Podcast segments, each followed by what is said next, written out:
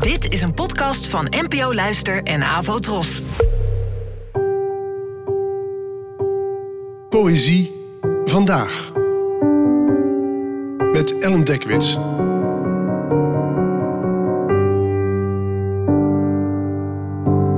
Hallo, fijn dat je luistert. Het gedicht van vandaag heet Aan Lesbia en werd geschreven door de Nederlandse dichter Lucie Bert. Geboren in 1924 en gestorven in 1994 en vandaag wil ik eens even vooraf wat vertellen. Dit vers begint met enkele zeer beroemde regels, namelijk de oude Meepse barg rust nimmer meer in drap. En tenzij je uit de Achterhoek komt, weet je waarschijnlijk niet wat dit betekent, dus bij deze leg ik het uit. Een Meepse barg is een zwanger varken. Maar ja, een zwanger varken klinkt toch anders dan Meepse barg. Lucebert gebruikte graag onverwachte woord- en klankcombinaties. Het ging hem er niet om poëzie te schrijven die je meteen verstandelijk begreep, maar om poëzie die zich door toon en associatie liet aanvoelen en nieuwe ruimtes openmaakte in het hoofd van de lezer of de toehoorder. Hoe je opnieuw kan leren spelen met taal door buiten de gebaande poëtische paden te treden. En dit gedicht ontroert mij enorm. Na de beginregels, die ik niet helemaal begreep, werd daar opeens, in mijn beleving dan, een onmogelijke liefde geschetst voor een dame die Lesbia heet. Iemand die door haar moeder wordt geëxploiteerd, de suggestie wordt gewekt dat ze een prostituee is, en waar de verteller toch niet zonder kan. En de slotregels van dit vers zijn mooi en verdrietig tegelijkertijd.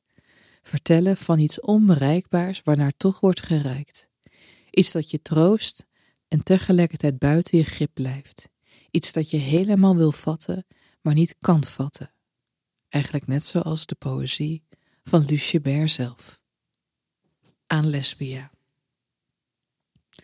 De oude Meepse barg ligt nimmer meer in drap, maar voorgoed op zachte kussens, onderuitgerekend de weelderigste boom ons rest.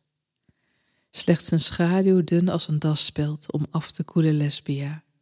Sinds je moeder goede zaken maakt met de montage van haar geldzucht en jouw schaamteloos lichaam, zijn je lippen nu als in steeds modieuzer gewaden gehuld, zo gewaagder lijkens dan ooit, mij toch armelijk mager geworden. Maar al werden je fraaie lokken plots walgelijk rattenhaar, of baarde je onder mijn ogen een geslacht van veelpotig of kruipend gedierte, ik verliet je niet, want waar zou ik nog rust kunnen vinden? In het zuiden, op brandende bergen soms, of onder de altijd bloedige barbaren in het noorden? Oh, ik moet er niet aan denken, hoe in den vreemde een van heimwee bezetene mij toefluistert.